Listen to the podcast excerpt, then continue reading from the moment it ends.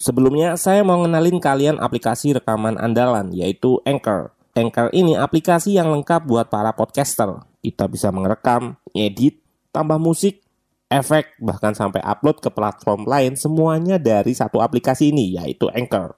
Nah, aplikasi ini bisa kalian download di App Store atau Play Store, atau bisa juga dari website langsung di www.anchor.fm.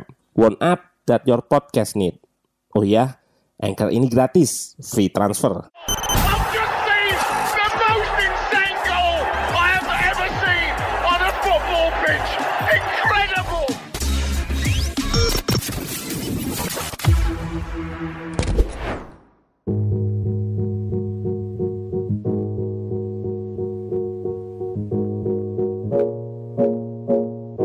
Halo, selamat datang di channel Ruang Taktik. Kali ini kita akan analisis match pertama MU tanpa Ole.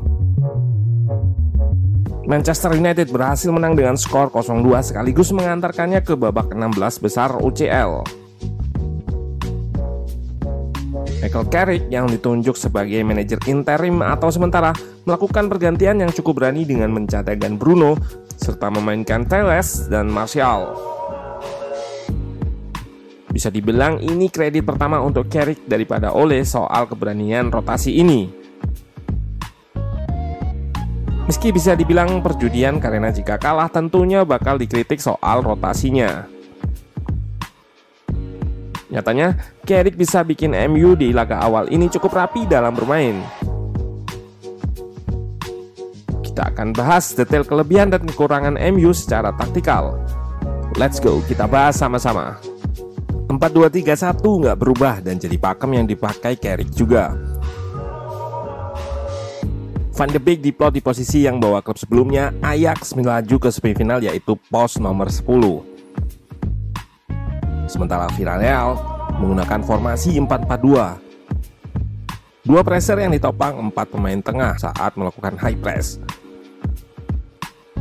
Dengan struktur ini, Villarreal cukup membuat kerepotan MU saat melakukan build up. Karena kesulitan menembus, outlet keluarnya mencoba melewati lewat samping lalu mencari pemain yang berdiri di belakang lini tengah seperti Van de Beek ini. Kalau dari belakang masih kesulitan untuk mengeliminasi langsung lini tengah lawan. Hal ini juga masih jadi kelemahan MU yang hampir kebobolan dari situasi ini. Build up atau bangun serangan ini jadi PR pertama. MU mengandalkan sirkulasi kiri kanan untuk memancing ke sisi tertentu, lalu melakukan switch ke sisi lainnya. Cara ini masih bisa diatasi oleh Villarreal dengan bergeser cepat ke sisi lainnya. Hal ini juga yang membuat MU mengkombinasi dengan direct build up atau lompas dari kiper langsung ke depan. Dari 22 umpan total, 14 dilakukan dengan lompas oleh De Gea.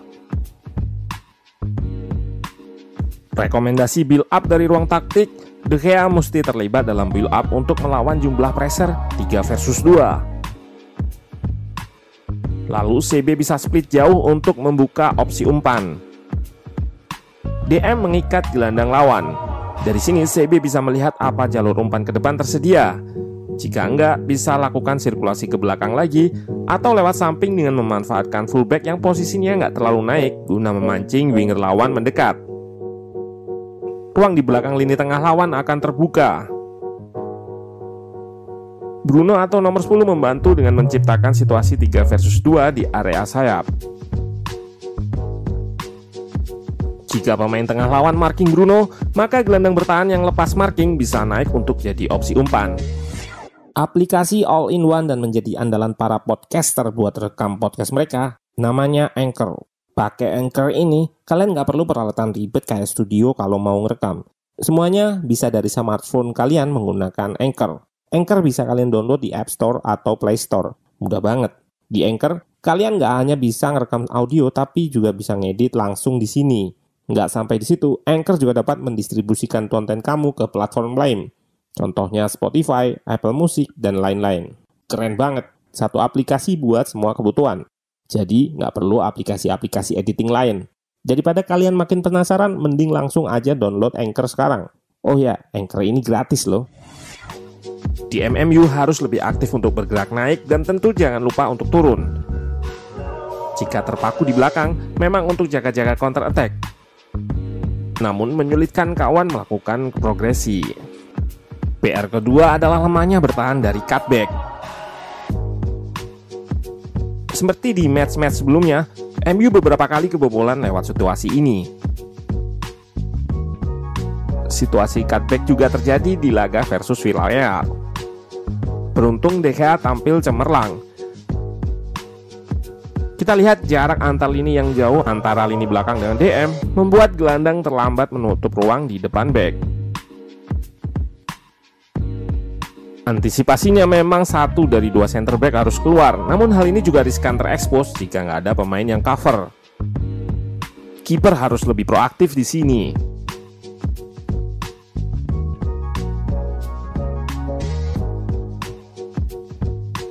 Jika kita lihat susunan pemain saat melakukan press berubah-ubah, kadang Martial di depan, kadang Van de Beek, yang perlu kita lihat juga susunan di belakangnya yang tetap menjaga shape 4-4-2 saat tanpa bola.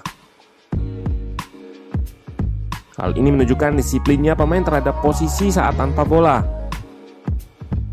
Kita lihat bagaimana Sancho juga kerap turun dengan kecepatan tinggi agar ruangnya nggak ke expose. Carrick juga menegaskan bahwa MU melakukan pressing as a team atau secara unit terutama saat goal kick. Hal ini yang jadi awal terciptanya gol pertama MU.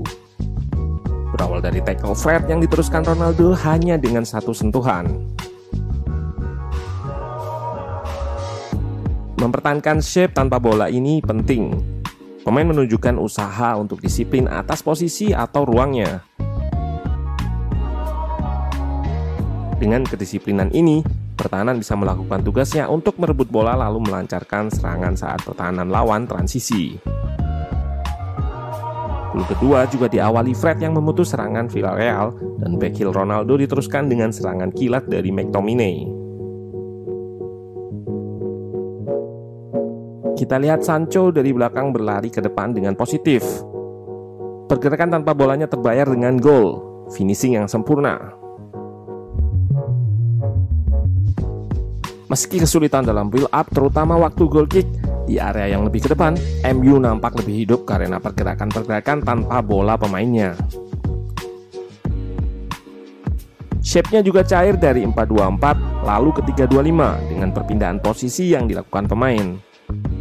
Terpenting adalah menjaga shape di belakang agar nggak mudah terkena counter attack. Terlalu dini jika menilai MU bangkit, namun beberapa aspek positif dari pemain seperti disiplin posisi jadi nilai plus. Mengakomodasi Ronaldo di posisi sayap kiri juga nampak berhasil di laga ini. Ujian berat Carrick ada di minggu nanti melawan Chelsea. Apakah tetap dengan 4-2-3-1 atau mirroring formasi 3 back Tuchel? Kita tunggu.